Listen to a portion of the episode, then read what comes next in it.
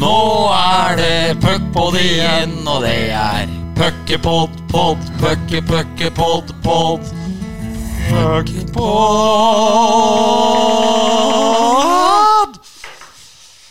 Åh, ja da, ja da. Det er eh, endelig tid for podkast igjen. Og ved min side eh, min gode venn. Og fryktelig god til å spille ishockey også. Det er bare å sjekke statistikken hans på Prospects. Velkommen, Bendik Havdal Eriksen. Tusen takk for det, Erik. Det var veldig hyggelig å høre. Det er eh, ganske fornøyd sjøl òg, så det er eh, godt å høre. Men eh, det er noen som eh, har utretta et lite snepp mer enn deg i karrieren, som eh, er her i dag. Han eh, har jo vunnet gullpucken, 97 landskamper, over 900 poeng for Storhamar. Og æresmedlem i eh, Storhamar idrettslag. Velkommen, mester Erik Kristiansen. Takk for det. Takk for det, ja. Ja, Bendik, er du enig i at han har sneppet mer meritter enn deg? Jeg må vel være enig i det. Jeg skrev vel det på Twitter når jeg mm, ba folk om å kommentere at det er den største og den beste spilleren gjennom tidene som eh, er her. Og det, det er en stor ære å få samla sammen de gutta vi har hatt nå. Jeg syns det er eh, Øystein Olsen den ene uka, mester Erik den andre. Man, eh, man kjenner litt på det at eh, karrieren sjøl kanskje ikke var helt det samme. Ja. Jeg er enig i det. Nei, for, men det er gøy å fortsette den turen vi er på vei ned Memory Lane nå, er det ikke? Jo, det er det. Det er moro. Så får vi jo se om Erik leverer, da. Så må du spørre meg igjen etterpå. Vi, eh, vi får se på det, men eh, vi har store forventninger i hvert fall. Vi pleier å starte med en liten historie om eh, gjesten. Og historien jeg har fått tak i om deg, Erik, den uh, syns jeg er ganske morsom, hvis jeg skal si det sjøl. du hadde jo mye energi som barn. Og denne historien går på at du derfor ble satt i løpestreng på gårdsplassen hjemme. Eh, Tore Sakserud, som har kommet med dette innspillet, han uh, sier at han og, og noen kamerater syntes det var ganske gøy å, å erte mesteren. For de visste jo hvor den løpestrenga stoppa. Uh, så de sto da rett utafor din uh, rekkevidde.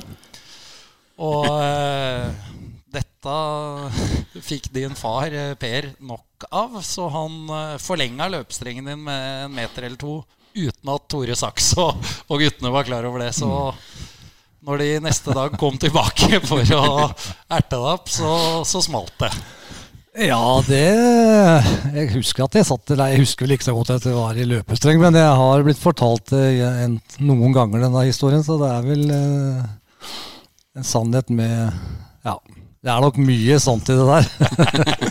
Temperamentet var der, og jeg tror faderen var rimelig lei at noen sto og erta meg på hjørnet av huset til der løpestrengen, løpestrengen rakk. Men grunnen til at jeg ble satt i løpestreng, var at jeg hadde jo to eldre brødre som jeg skulle følge etter. Og der hoppa jeg over eller klatra under gjerdet, så det var uh, mye som skjedde borti Kristin Lavransdatters vei ja, på den tida.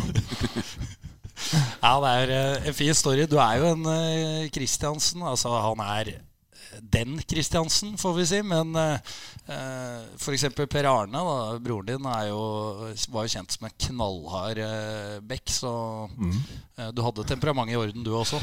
Ja da, det er vel eh, Hadde vel litt ukontrollert temperament innimellom òg, så det var vel ble straffa for det. I hvert fall på hockeybanen. Men det var mye sånn, ja. Det, på skolen og det, så var det jo smalt jo stadig vekk. Det var jo så ikke så mye til. Jeg var veldig liten da, helt til jeg ble 16-17 år. Det var jo minst i klassa. ikke sant? Det var jo Lille-Erik ble kalt, så det var jo veldig artig, det. Da ble jeg erta, og det smalt jo med en gang, det. Det var ikke noe jeg Lurte ikke på noe der. Bendik, man eh, husker jo mesteren som eh, en poengspiller, som han også var.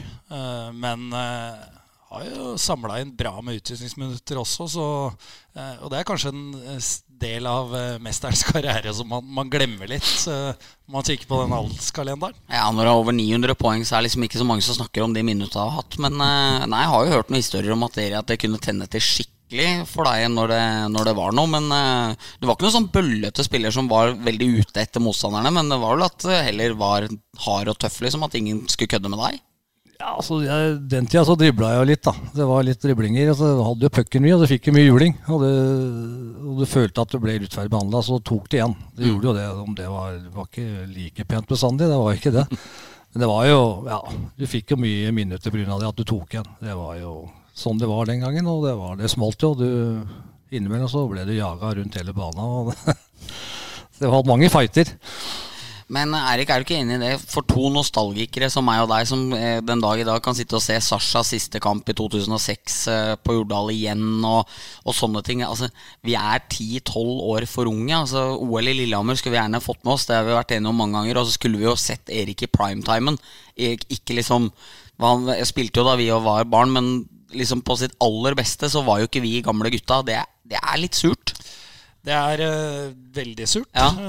Ser de raida, og når han legger ut bommen og skjærer inn, og sånne ting, så vite at der var du bare to-tre år sjøl, liksom. Det er, ah, det er irriterende. Ja, det er bittert. Vi har jo kost oss med et, uh, en matchreportasje fra Jordal også, som, som jeg har på PC-en, hvor Jon Hervig Karlsen rapporterer fra match på Jordal, hvor du dribler ut fem Vålerenga-spillere, inkludert keeperen og så legger du backhand-pasning over til Patrick Eide, tror jeg det var. Hvor ja, du eh, ja. egentlig har åpent mål sjøl, hvor Jon Hervig Karlsen melder han at eh, Se på Erik Kristiansen. Finter ut hele Vålerenga-laget. De er nesten i garderoben og dusjer. det er et aldeles fantastisk klipp. Det, ja, det, det må vi få ut på Twitter. for øvrig. Men uh, idet PC-en min uh, melder at det er på tide med oppdatering, så må jeg kikke litt på programmet før det skjer. Og eh, vi har fått inn et spørsmål til deg, Erik, om eh, hvor på smerteskalaen er det at uh, Lillehammer vant bøtta før Storhamar? Ah, hvis den går til ti, så er det vel tolv, tenker jeg. Det er vel det. Ja, det var jo ja. ja. Det er ikke noe hyggelig å snakke om det. Dere hadde ikke keeper, vel? Jo, ja, vi hadde jo det, men han sto ikke i veien, for å si det sånn. Nei, ja, det var jo den finaleserien var jo litt sånn ja, litt usikker. Vi tror vi var for sikre på å vinne, egentlig. Så var det som skjedde, at vi gjorde ikke den drittjobben vi skulle. Rett og slett. Det var, men det svir, det, ja. Det er ikke noe Vi bør ikke sitte så veldig lenge og snakke om det, vel? Nei, vi, vi, kan jo gå videre, for ja. vi har uh, Jeg tror jeg faktisk er minnet oppe i Kristinsdal ennå etter den finaleserien. Altså, for jeg tror jeg slo omtrent rundt ei dør oppi der. Så det er nok et høl i døra. For det var, eh, før vi går videre, da, det var, det var jo den sesongen Storhamar skulle ta NM-gull. Og det var opplest og vedtatt. Som sier, dere følte vel det i garderoben ja. også.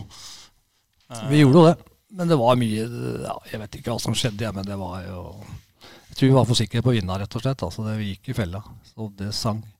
Det skal jo ikke lenger tilbake enn april, der eh, det skjedde sist for et Storhamar-lag. Det er en ikke navngitt Storhamar-spiller som sa til meg at eh, det var smartest å tape én kamp mot Frisk, sånn at man fikk avgjort på lørdagen der. Og så ble det vel mandag, og da tapte man den avgjørende. Så det har skjedd før, det, og det kommer sikkert til å skje igjen nå.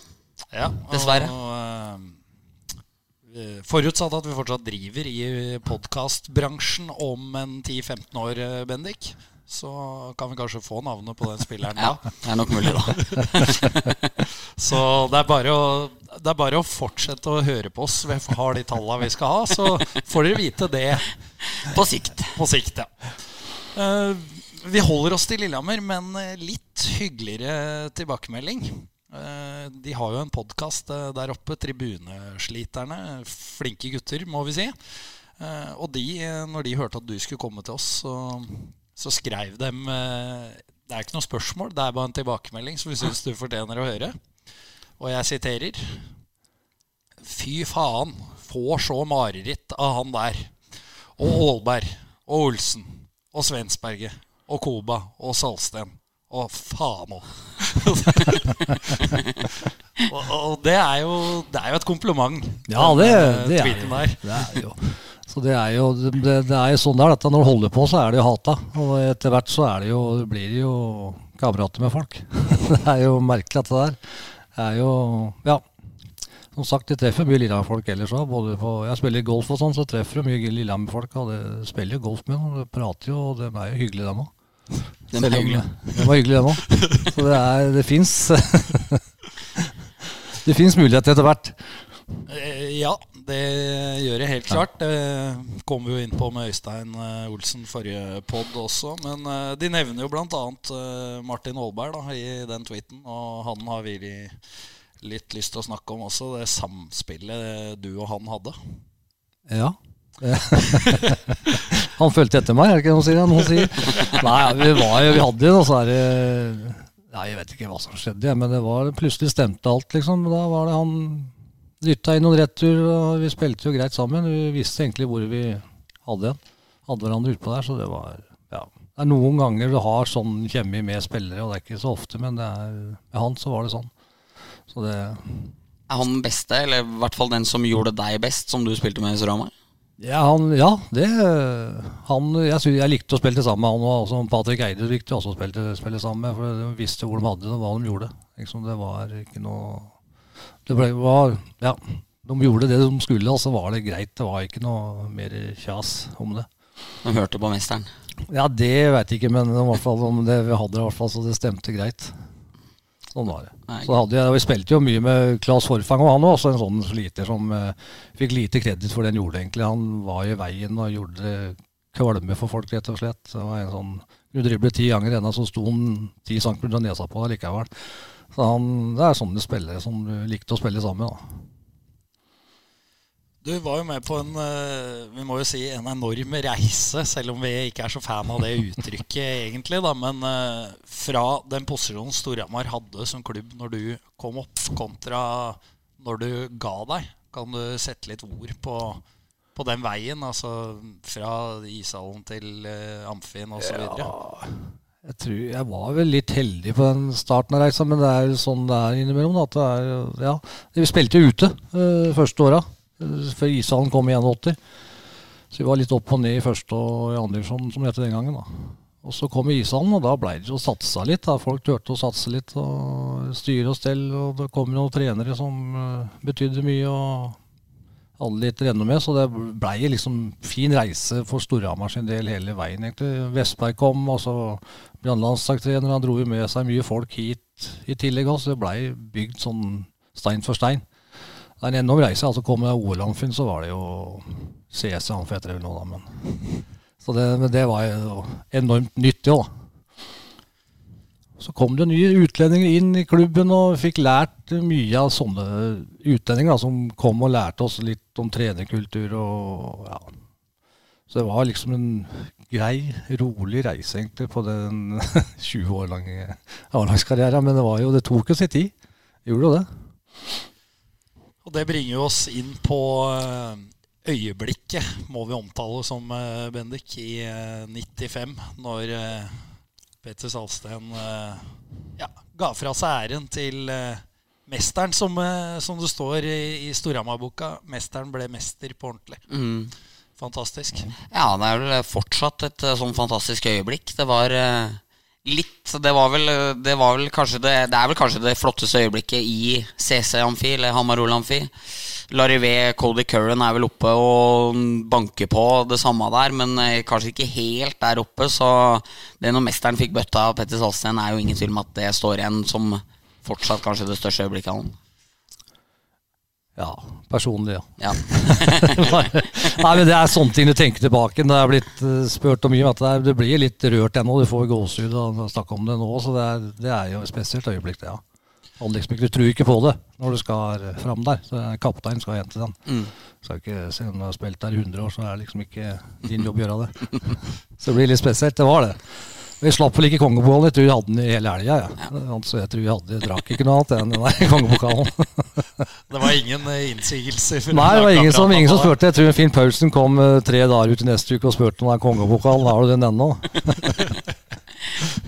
Men det var eh, Du nevnte, jeg tenkte på det, altså, Bendik. Når du så Curran gi bøtta til Arrivé, det, det må jeg ja, brakte tilbake litt minner. Det var, det var på en måte Larivé er jo blitt en Hamar-gutt. Det har han blitt. Han, uh, han fortjente det. det. Ja, det var minnet tilbake, ja. Det, var, det kom noen tårer da, vet du. Det er sånn det er. Det er følsomt. Det er det som er viktig at det er. ja, uh, Jeg var også følsom når uh, mesteren fikk bøtta i 95. Jeg husker jo ikke det her, jeg var jo bare seks år. Men jeg var skuffa over størrelsen på pokalen. Var mest opptatt av det. Jeg meldte til min kjære far at Så det var for liten bøtte? Ja, ja dette var ikke all verden. Ja. Det er jo for så vidt en mening man kan stå inne for, men det er klart symboleffekten har jo vokst seg litt sterkere for meg mm. rundt den bøtta enn hva det mm. gjorde da. Uh, skal vi se, da skal vi ha noe Twitter-spørsmål. Eller vi skal ha ett Twitter-spørsmål, og det er fra din sønn Alexander, som uh, Hyggelig, ja. støtter opp om uh, når pappa er på podkast. Mm. Han vil gjerne at du forteller en historie om spakene til Svein Harald Arnesen. Spakene til Svein Harald Ja ja, den er jo er snart verdenskjent, den, tror jeg. Men jeg kan jo ta originalen, den har jeg jo sjøl. Og den er jo veldig grei. det er jo Ja, var den tida altså var det Vi hadde én fridag i uka, husker jeg. Det var tirsdag tror jeg vi hadde fri som regel. Litt avhengig av om vi spilte tirsdagskamp eller ikke, men var tirsdag, men da var det en del som gikk bort på Grevløkka og skulle spille hockey-pocky eller drilleparty der borte. da. Svein Harald var jo, Arnesen var jo med der og spilte ute, da. Og Da syntes han det var fint å låne køllene mine, da. Men jeg hadde gjort klart køllen min på mandagskvelden jeg vet, til jeg skal på treninga på onsdag. Så det var ferdig teipa alt. og Tjærebånd, som het den gangen, hadde vi på. Og det kom på onsdag, så var altså køllene slitt. da. Så det er jo lurt på hvem som hadde brukt disse køllene. Så fant vi at det var en, vår alles kjære keeper, da, Arnesen. Så hadde han gjort i stand fire spaker på ei trening før fire, fire, fire nye spaker. Og tenkte jeg nei faen, skjærer jeg av dem, kapper dem halvveis tenker jeg det, det, må gå. Alle fire? Alle fire, ja. ja, ja vi tok ikke én, vi tok alle fire. Ordentlig Kristiansen om dette. Fire spaker. Og ett Alle skjøt, alle visste om dette. Alle skjøt skudd på han. Så gikk jo fire skudd, så var spaka borte. Det ble jo et helvetes leven. Roger Johansen var jo oppmann. Og lurte på at da Lennart trente oss, og det var et helvetes styr bortpå der. At Roger sa etter, Det gått to-tre dager etter at det hadde skjedd, da. Og så kom han i garderoben og så sa han nå må vi vite hvem som har tatt og skøret, altså spaka til Svein Harald Arnesen. For det skal koste tross alt 1200 kroner stykket. Og den som har gjort det, han skal jaggu meg få svi. Nå må du komme fram og si det. Jeg satt på plassen min og tenkte ja er Roger, det er meg. Det er sånn. Ja, greit, Erik. så gikk han ut. Altså, det blei ikke noe mer snakk om det. altså. Og det var... Når du var beste spilleren, så gikk det fint. Ja, det var liksom hierarkiet, tenkte jeg da. Det er jo greit. Da. Det var greit at det ikke var noen juniorer som har gjort det, tror jeg, for det hadde blitt uh, litt verre for han. Det er greit, Erik. ja, og det var, eh, det var vel en grei vurdering av uh, Roger, var det ikke det, Bendik? Jeg syns det hørtes lurt ut. Kunne ikke begynne å kaste, kaste ut mesteren, liksom. Nei, det hadde ikke vært noe særlig. Vi skal inn på en historie til, vi. Og den har vi fått uh, høre av uh, Jeg er litt usikker på om vi har fått den fra Jarl. Nei, jeg blei ble litt usikker på det. Om det ble fortalt da som var med, eller om da Jarl var med. Men um, du var jo så heldig å få trene 86-laget til Storhamar. Ja. Med sønnen din, Jarl Paulsen, og Botheim og mye gode, gode spillere. Og mm. samtidig noen store egoer. Hans Jonas Eng og mye klasse der. Ja, det var. Så hadde dere vært i Leksan og så trente dere, og så kom det ned en kar som uh, var sammen med Leksan sitt juniorlag. Og så sto du og Jarl ved boksen, og så kommer han svensken ned i Leksan-jakka der, og så kaster bare Jarl flaska si til den, og så bare Du, fyll flaska mi, ja. Og han svensken, han gjør det han får beskjed om. Han 14 år gammel snørrvalp fra Norge, han, og fyller flaska. Og Jarl sier at mesteren er helt loff i trynet og liksom tror nesten ikke den ser der den står der.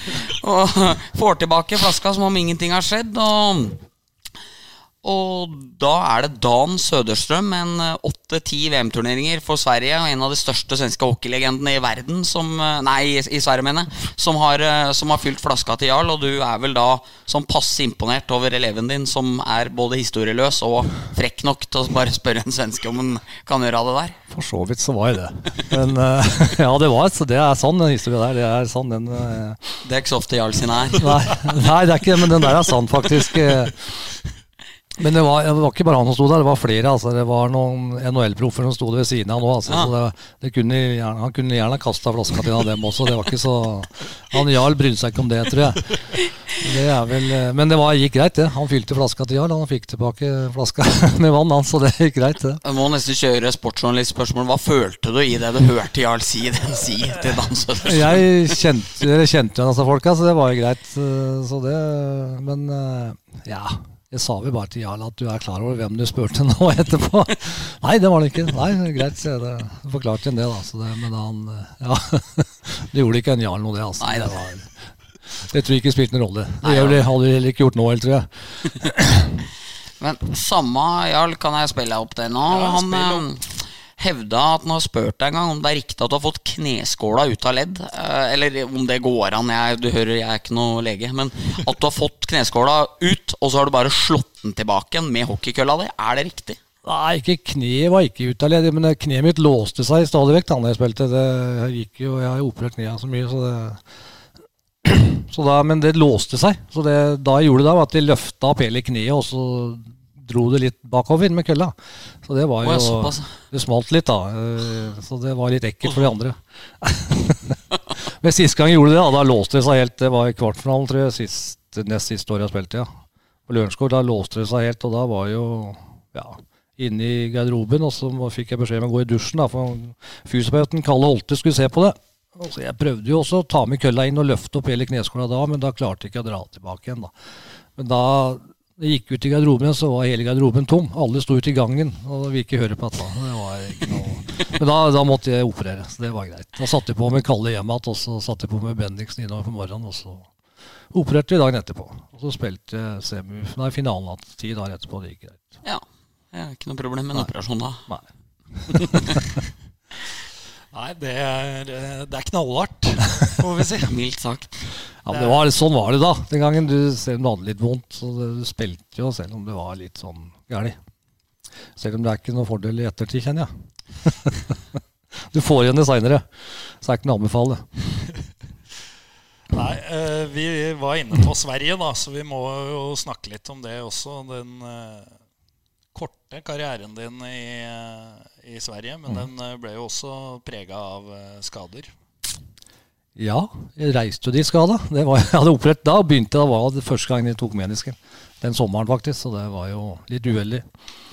Så trente jeg litt for tidlig, så det blei jo litt sånn drøyd lenge før den kom i gang igjen. Men vi ble tatt godt i hånd om der borte, altså det var ikke noe sånn, men det, var, det tok litt tid før den kom inn i det. Var, eh, tror du du kunne ha spilt lenger i utlandet, eller ville du det egentlig? Nei, den gangen så var det litt Jeg hadde jo permisjon fra jobben på jernbaneverkstedet. Sånn, det var litt det som spilte inn, da. Så var det jo Men jeg hadde tilbud, kunne ha vært i Bjørklund et år til. Og hadde noe tilbud fra Malmö, og det var satt seg fælt da. Så det, sånn økonomisk så hadde det vært lurere å vært noen år til der borte. For lønningen tok jo akkurat av da på det slutten av 80-tallet. Så det var jo Sånne ting var jo Men det var er ikke noe jeg ja, kunne angre på. Men det er ikke, jeg kunne godt tenkt meg å vært der lenger nå. sånn vi ser det nå. Men jeg har hørt om deg at de skjønte kanskje ikke hvor god du var i seriespillet før sluttspillet kom. Og da hadde du allerede sagt at eh, etter å ha herja i sluttspillet, så hadde du allerede sagt at nå ville du hjem, liksom. Så det Ja, var ikke så lett å beholde deg Nei, likevel, Jeg da. hadde bestemt meg da. Så jeg og Åge bestemte oss tidlig. vi.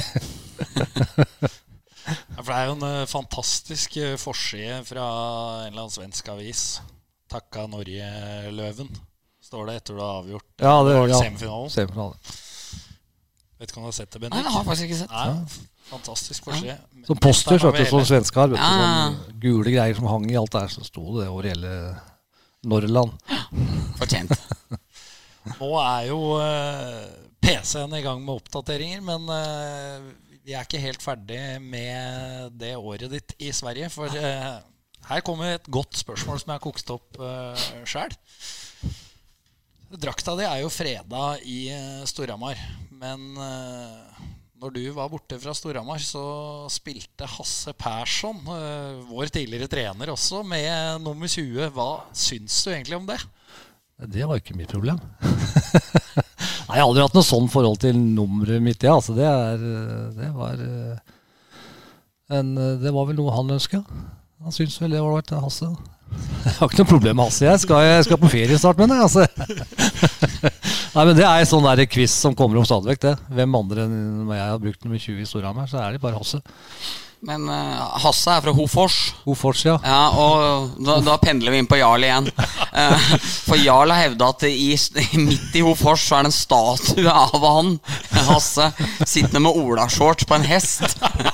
og, og når jeg kjørte gjennom Hofors i sommer på vei fra um, Vesterås til Mora for å følge Storhamar, så tenkte jeg å dra innom for å se.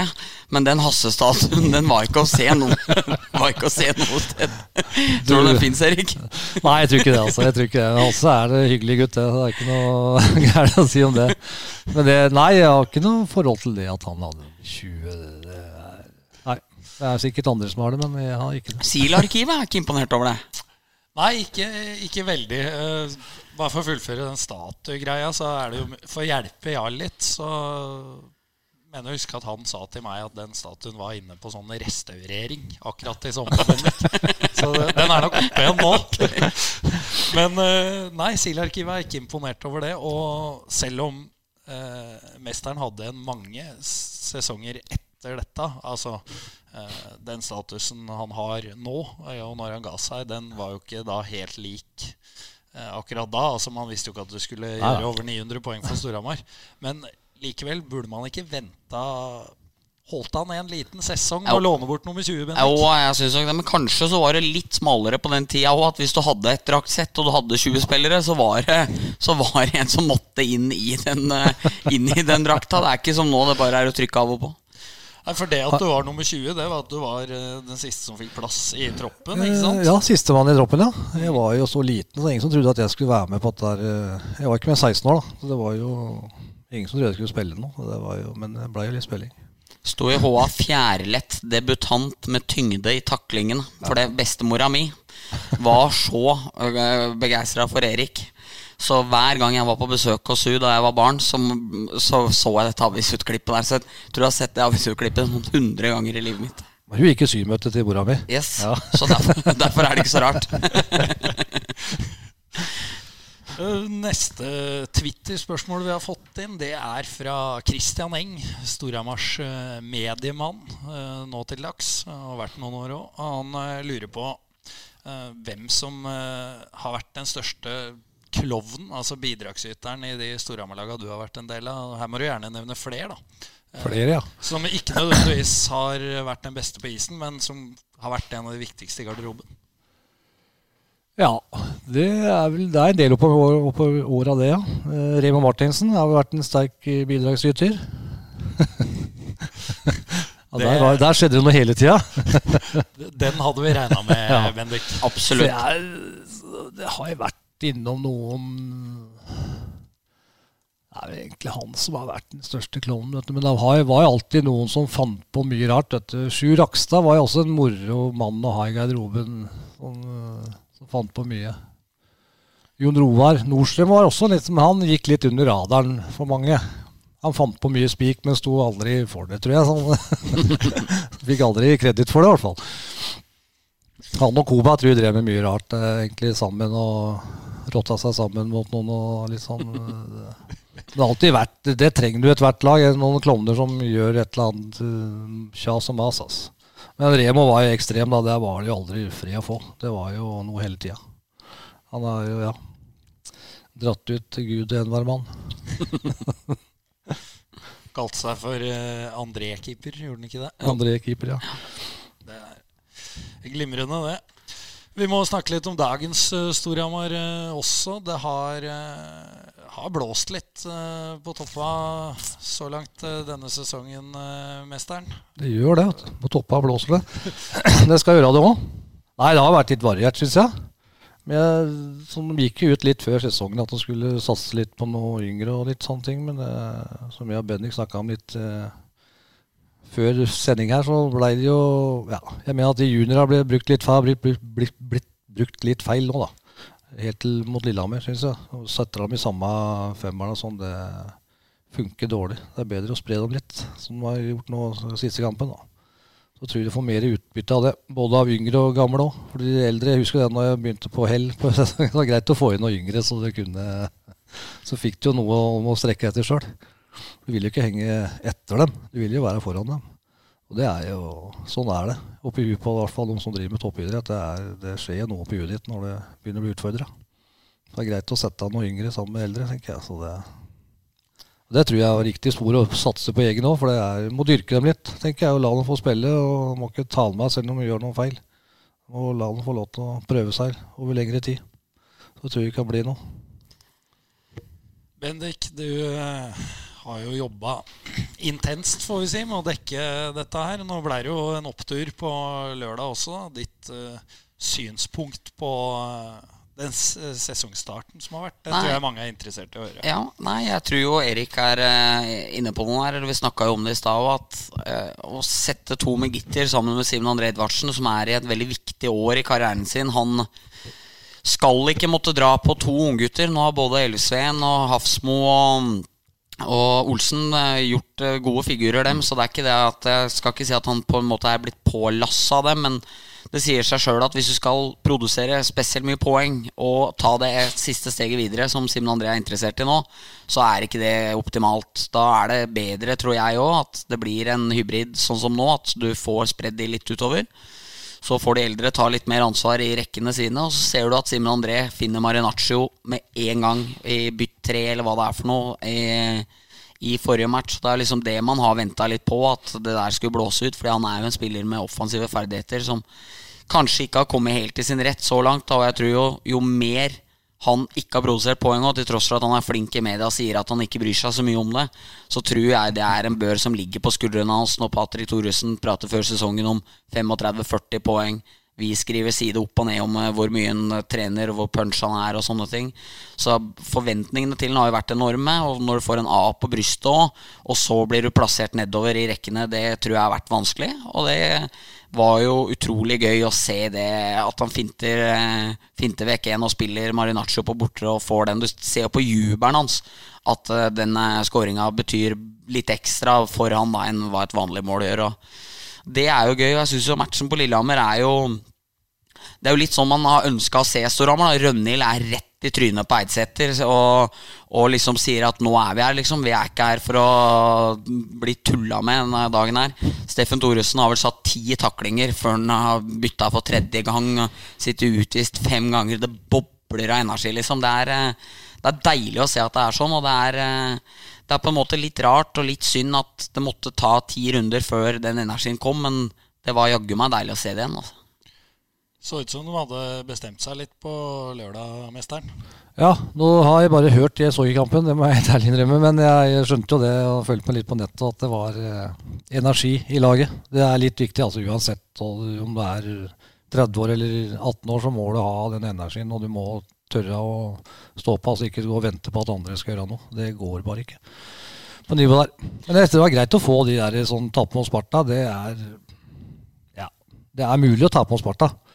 Men uh, det er klart det er en vekkepinne, det er vekkerklokke. Det også at du taper noen kamper hjemme, så må du jo skjønne at det her går ikke. Det blir mindre og mindre folk borti CC Amfio. Det er jo signal, det. Jeg syns det, og det samme jeg skulle si om Lillehammer-kampen. For jeg brukte på lørdagen, så var jeg i eh, bursdag hos svigermor, hvis man kan si svigermor, så lenge jeg og Camilla ikke er gift. Men jeg Mora til Camilla, da. Så, si svigermor. Ja, si svigermor. Det er lov, det. Ja, det er lov. På Gåsbu uten ja. internett. Du, frir, du frir på direkten nå. Jeg frir på direkten nå, ja.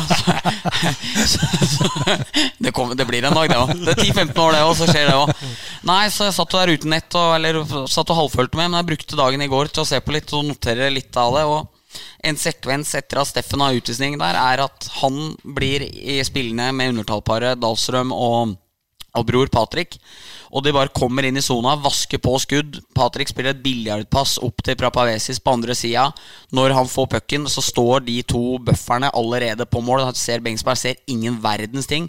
Nå gikk det skuddet dessverre rett i han som kom ut i det, men altså, det var en sånn kjøttmur på fire meter foran. Altså en helt annen bestemthet. Mm. Så når de fikk vaska unna noen feil og noen overganger i starten her, så dominerer Stramar så mye i første perioden at de kanskje kunne leda 3 og 4-0, liksom. Så styrkeforholdet var jo der det skal være nå. Og det er jo kanskje derfor det er enda underligere. Altså, Det er greit det at Stjernen og Sparta står i trap og venter på dem, og Storhamar må styre alt spillet, at Lillehammer ikke gjør det på samme måte. Men når du ser den kvalitetsforskjellen det er på Storhamar og Lillehammer gjennom store deler av kampen, så er det nesten utrolig å ikke skape mer enn hva de gjør på, mot Sparta og Stjernen. Men nå får vi håpe at de krysser av det her, og at det her var starten på noe nytt. Da, for det her var jo veldig bra.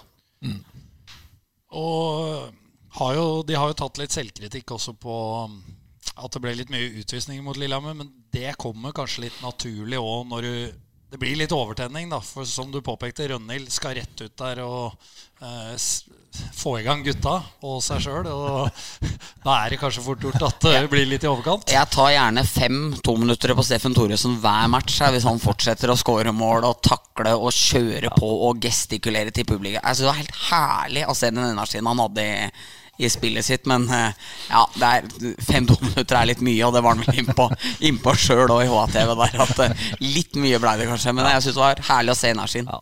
Det er kontrollere det, da. Kontrollere de utvisninga, det er det det går på.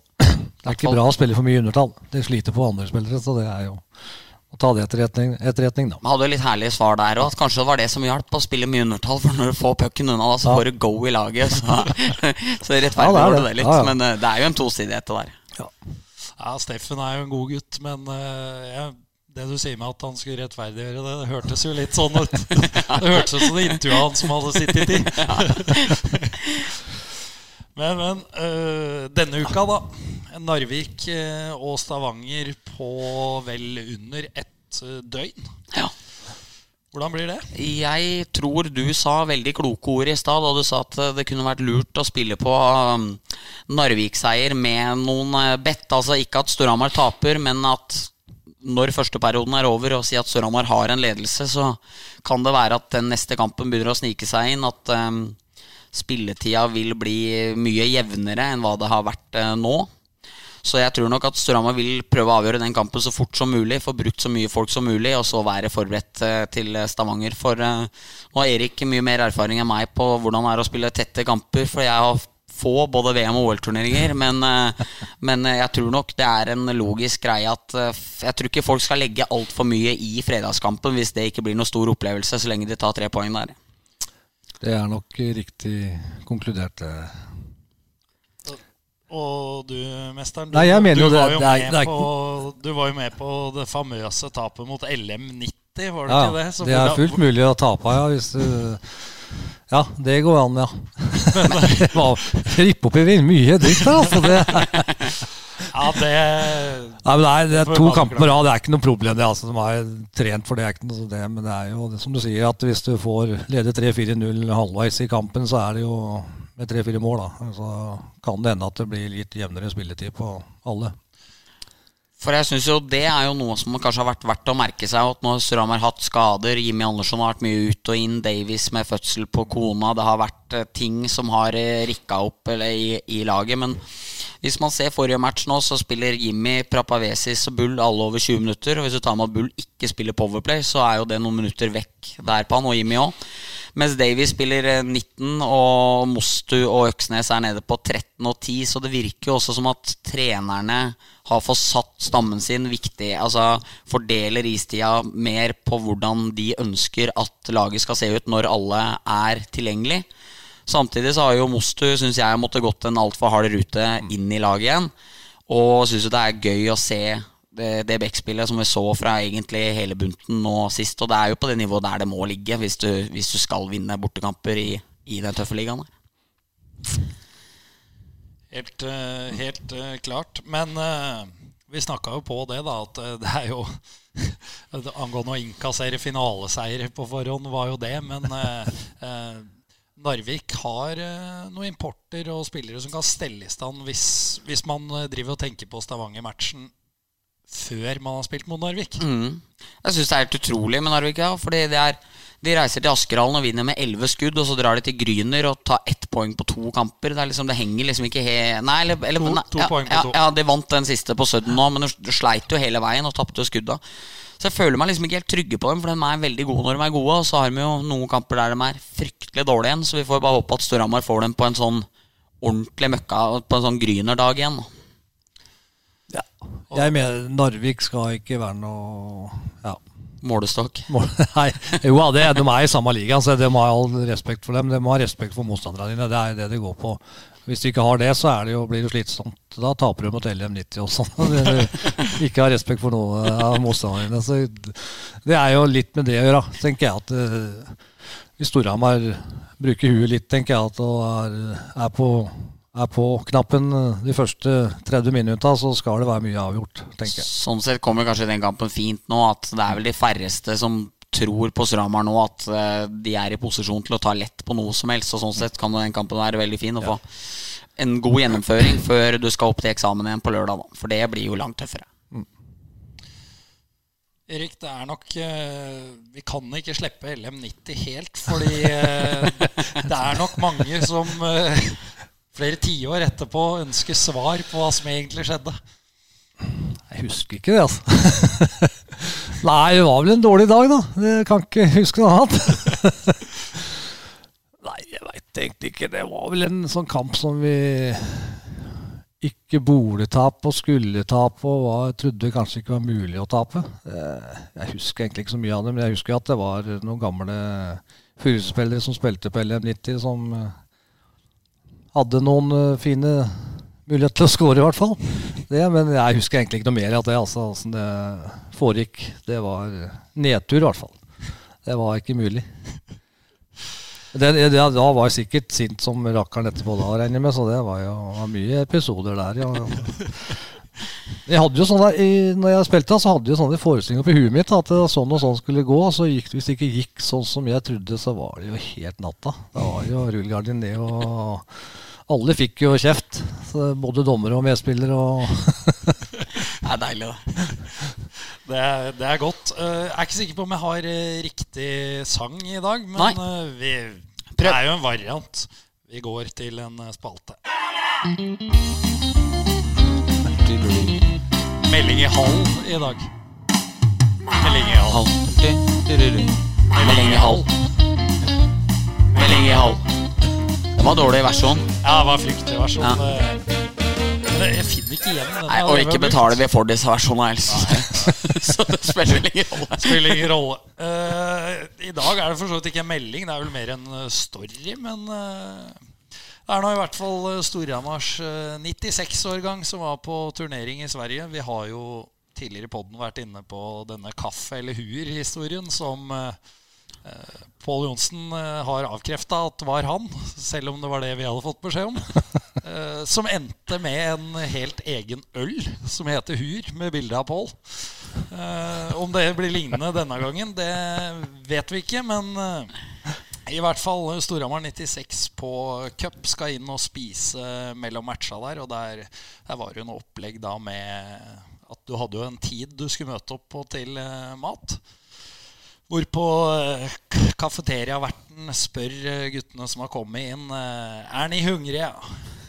Og da hører vi fra en kar nei, vi er Storhamar. og sikre kilder ja, Sikre og sikre kilder skal ha det til at dette var Martin Gran.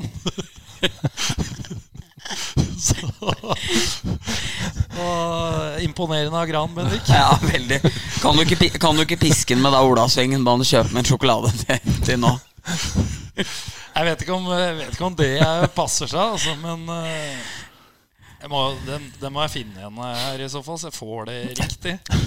Jo, det er Christian Olavsvengen som trente de gutta her. Og uh, sendte Gran på butikken uh, i ganske ung alder. Da, for Lurte på om han kunne kjøpe meg en klitoris til. og uh, han kom tilbake med toppris. Jeg var inne på is, da. Jeg var inne på is, Skal få for det. Så denne tilsvarsretten som vi har snakka på før, den Finnes ikke her. Den finnes ikke her.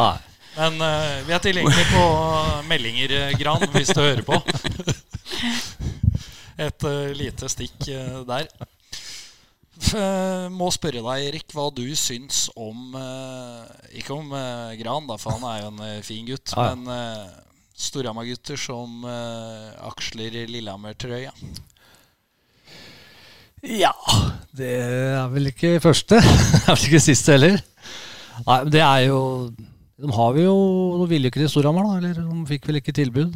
Det er jo noe Storhamar vil jobbe med, tenker jeg da. Ikke Jeg satt jo i styret i fjor, så vi hadde jo en diskusjon på det i fjor i styret. det kom opp etter hvert, i hvert fall. Så at det var hvorfor alle var rundt omkring. Men det er vel noen som har blitt ønska tilbake, men de har jo hatt kontrakt, så er det litt vanskelig å kjøpe dem ut da. Men det er jo det er ikke bra, det, syns jeg, at de skal dra andre steder. Hvis de er gode nok for Storhamar.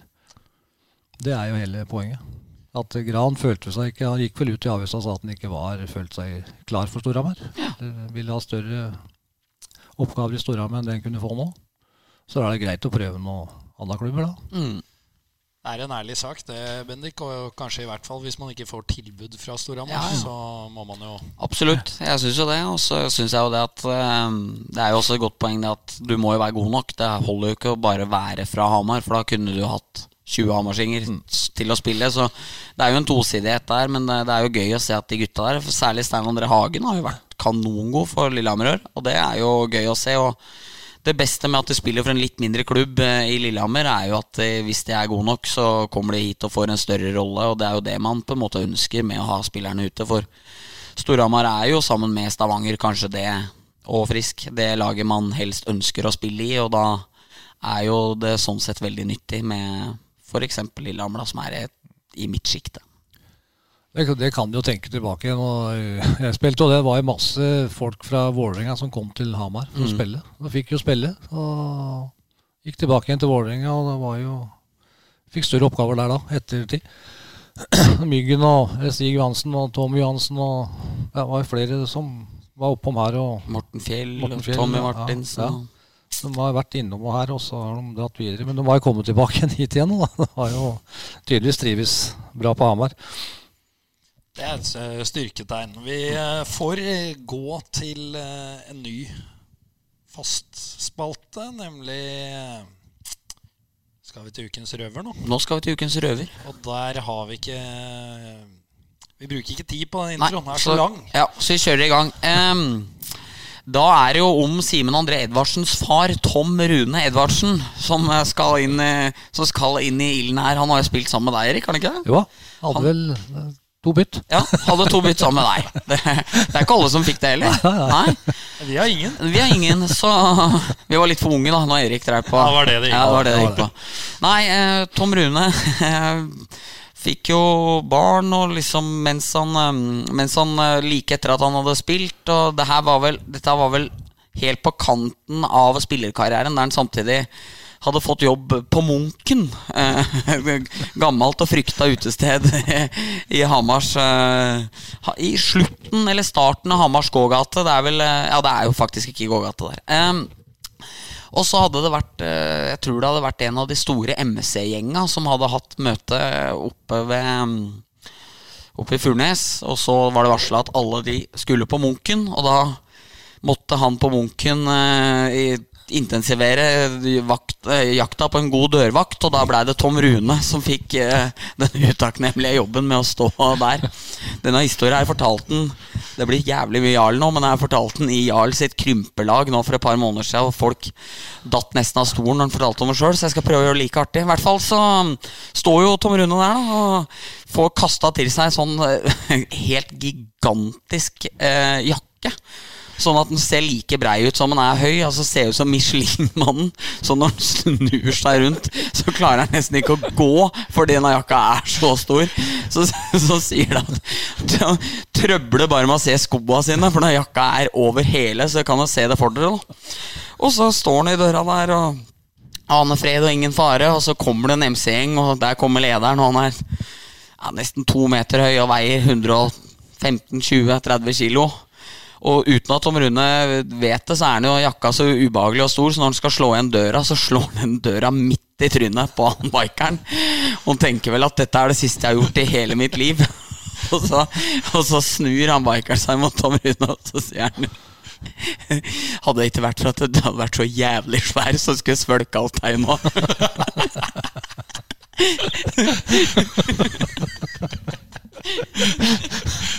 så, så, Tom Rune blei ble redda av jakke i ni ganger XL, som, som gjorde at han, han ble lurt trill rundt han eh, stakkaren som fikk døra i trynet. Det er ikke, det er ikke, ikke sikkert det hadde blitt noe Simen André på A-laget hvis ikke han hadde hatt på seg den jakka der. Ja, det er, eh, det er glimrende som alltid fra din eh, side, Bendik. Skal få for den. Takk. Eh, skal vi gå videre til eh, vår neste faste spalte, som er eh, nemlig ukens eh, kvast og ukens kaktus. Mm. Og denne uka så skal vi begynne med ukens kvast, tenkte jeg. Og vi kommer jo tilbake til De får vel en kvast. Men i hvert fall, vi fikk jo en gave av Mega på Surhamar. Eh, For i forrige, da vi var med Øystein Olsen, så kritiserte jeg Mega for Suramar, som jeg er vanvittig glad i, for det har eh, varmdisk og selvbetjening. Altså Det er to i ett. Der, der du må stå et kvarter i kø på Rema, så er det bare opp der, inn med noe medister, rett ut igjen. 30 sekunder, bara bing, bara bom. Så en Fantastisk butikk, men har vært litt dårlig på Solo i hyllene. Solo Super. Så jeg ga dem en liten eh, minikaktus for det sist. Og på mandag når jeg var der og skulle handle, så fikk jeg helt kasse med brus og et flott skriv som alle kan se på Twitteren min hvis dere ønsker det. Som tolv eh, brus til oss hver, Erik, som en fantastisk gest. Så Mega på Surhamar skal få den usportslige mm, blomsterkvasten fra meg. Ja, og det er vel fortjent. Og derfor så tenkte vi Når sånne kaktuser fører til ei kasse med brus, så tenkte vi vel at vi skulle gi kaktus til Vinmonopolet denne uka her. Og se, se om det kan gi noen resultater. Ja, dyre. Dyre priser nedpå der. Får, vi se. Nei da, men det var, eh, det var veldig fint. Men du skal få fortsette. Altså. Ja, nei, det var den usportslige, eller ikke-sportslige um, rosebuketten denne uka her. Men uh, vi må se til Sverige for um, Cody Curran. Tre skåringer, ti målgivende assist på ti kamper. Åtte pluss. Altså, den fyren er et fenomen. Han er eh, Jeg har hørt at det har vært NHL-klubber som har vært, eh, begynt å se litt etter han. Han er jo litt uheldig med at han fyller 30 år. Um, men for en karriere, for en back, for en spiller. Altså, sånn han herja da han var her, og nå gjør han akkurat det samme i Sverige. Så han og han Sar kom to mot én der. Så var det 20 kroppsfinter, drible bekken på ræva og så sende passet under kølla på og blank goal fra 30 cm. Han eh, er fantastisk. Jeg så Sanny Lindstrøm sa at han var ligaens beste back nå i SHL. Så nå tror jeg at hvis eh, unge Curran hadde vært unge Curran og ikke mm, 29 år gammel, så hadde han snart spilt det over dammen. Det er, eh, det er nesten som det er nesten som det er litt rart å tenke på at det bare er to år siden han spilte her, liksom, for det er, eh, der har skjedd mye. Så Curran får eh, blomster denne uka her. Vel fortjent. Fortjent. Har du noen du har lyst til å skryte av, eh, mesteren? Ja, mange, egentlig.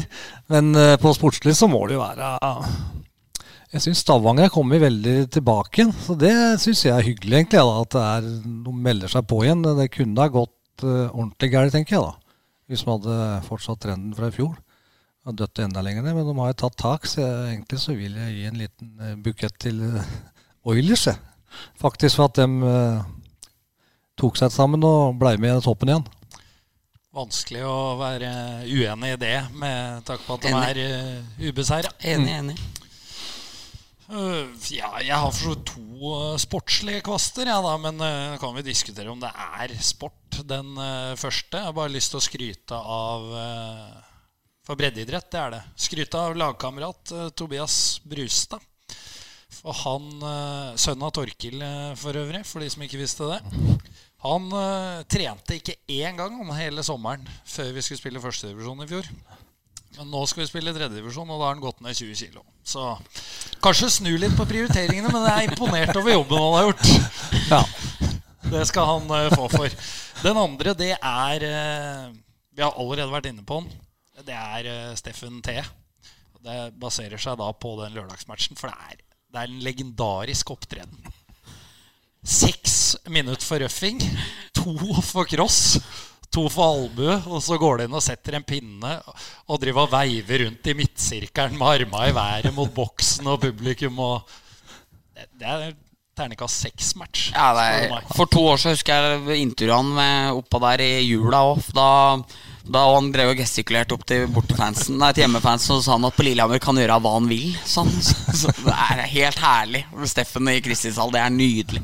Han banka jo opp en uh, sjekker oppå der uh, i ja, sin første periode i Storhamar. Stemmer det, han Bekken han som på 2,40 eller hva det var, han ble revet i isen sånn som en basketspiller. Det var enormt, det òg. Nei, Steffen, det er uh, Sånn skal det være. Liker seg nå Eidsiva Arena, Ja. Steffen. Ja, så var det det negative, da. Bendik. Ja, det er eh, Jeg var på Joker på onsdag. Eh, nei, på torsdag. Eh, og da satt en gjeng med ungdommer bak meg. Jeg tror kanskje de hadde drikke. Bondeknølunger som Je, je skal gå til Brumunddal etterpå. Og satt sånn der og, og, og bråka og skrek og hylte. 17-18 år, var på torsdag.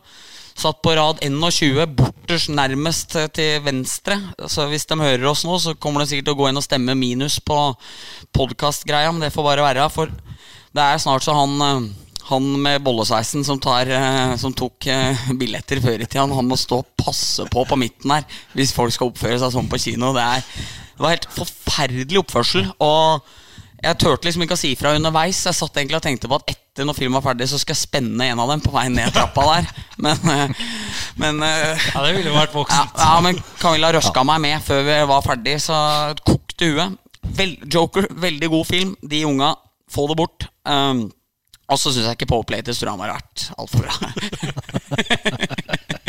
Slenge på den der. ja, så det er en sportslig ja. Eh, Så var det deg, eh, mesteren. Vi er jo litt nervøse nå, for eh, i kjent stil var vi ikke all verdens forberedt når du trappa opp her. Så det, vi er i faresonen. Er i faresonen. Nei ja, det har vært hyggelig å komme hit. Det har ikke vært noe problem. Det er litt sånn venting, men det går greit. Altså, jeg er vant til å vente. Altså. Jeg jobber i kriminalomsorgen, så jeg veit åssen det er å vente. Men nei, det var vel Jeg syns vel Dagens minus, ukens minus det er, Jeg har ikke vært borti som minus. Jeg var jo på Ullevål lørdagen. Det var jo bare stort pluss, det òg. Det var jo helt utrolig. Men eh, det så trodde- gøy ut. Jeg trodde jeg kanskje kunne ha minus der, men det var ingenting minus. Nei, det var veldig bra. Det var veldig bra. Nei, så jeg har vel eh, Ja, litt sånn powerplay i Storhamar kunne kanskje ha vært litt bedre, ja. Det, ellers, ja, ja, jeg har egentlig ikke noe minus å si. Nei, jeg kan være enig i det. Ja. Jeg, eh, vi har jo fått litt kritikk for å i mange podder gi til oss uh, sjøl, men jeg må jo bare gjøre det, Bendik. Fordi selv om eh, mesteren nå sier at det er greit, nå må du og jeg faen meg ta oss sammen. Altså. Nei, vi sitter jo og driter ut oss sjøl når sjølveste mesteren kom på besøk. Så Nei, er- har vi ikke ordna det er- minnekort og Nei, ingenting. det er- Og det er på oss begge, altså. det er hver gang etter at podkasten Stolthet og ære har vært og spint plata, så er det noe trøbbel for oss. Det er for det er samme utstyret. Så, så vi kan dra med dem i samme suppa der. Ja, da er det Da lander vi på en kaktus til Kjetil Åndevik og Ole Jonny Sund Yes. i stolthet og ære. Eh, Ikke bra å skylde på andre gutter. Nei, men, uh, Men. Nei, men, ja. men men akkurat i dag kan vi gjøre det. Okay. Enig om det, Bendik? Helt enig om det. Da skal vi komme med en liten oppfordring. Eh, Jeg kan slenge på en minikaktus der òg. Ja. Eh, Fordi du kan stemme på denne podkasten i iTunes. Sånn rating. Eh, og der har vi ligget på fem i snitt. Vi. Bare hyggelige tilbakemeldinger. Men uh, nå har vi jo dalt Til fire og en halv. til fire og en halv. Så en minikaktus da til eh, Eller stor kaktus til de som har stemt oss ned. Hvis du ikke har noe godt å si, så Ikke stem. si noe. ikke stem. så nå oppfordrer vi alle til å stemme fem stjerner på, sånn at vi kommer oss opp på podkasthimmelen og blir oppdaga enda flere. Og da vil vi kunne bruke enda mer penger på det her og lage et enda bedre prosjekt og ha enda flere minnekort. Og da blir det veldig bra. Det kan uh, bare bli bra. Vi får uh, runde av. Takke deg, uh, mesteren, for at du kom og skravla litt med oss. Det var hyggelig. det setter vi pris på, Benrik. Veldig. Veldig, veldig, veldig. Det har vært stort. Mm. Igjen. Takk til deg, Bennik. Takk, Erik. Takk til meg sjøl. Takk, Erik. Takk, takk for at du hørte på. Ha det.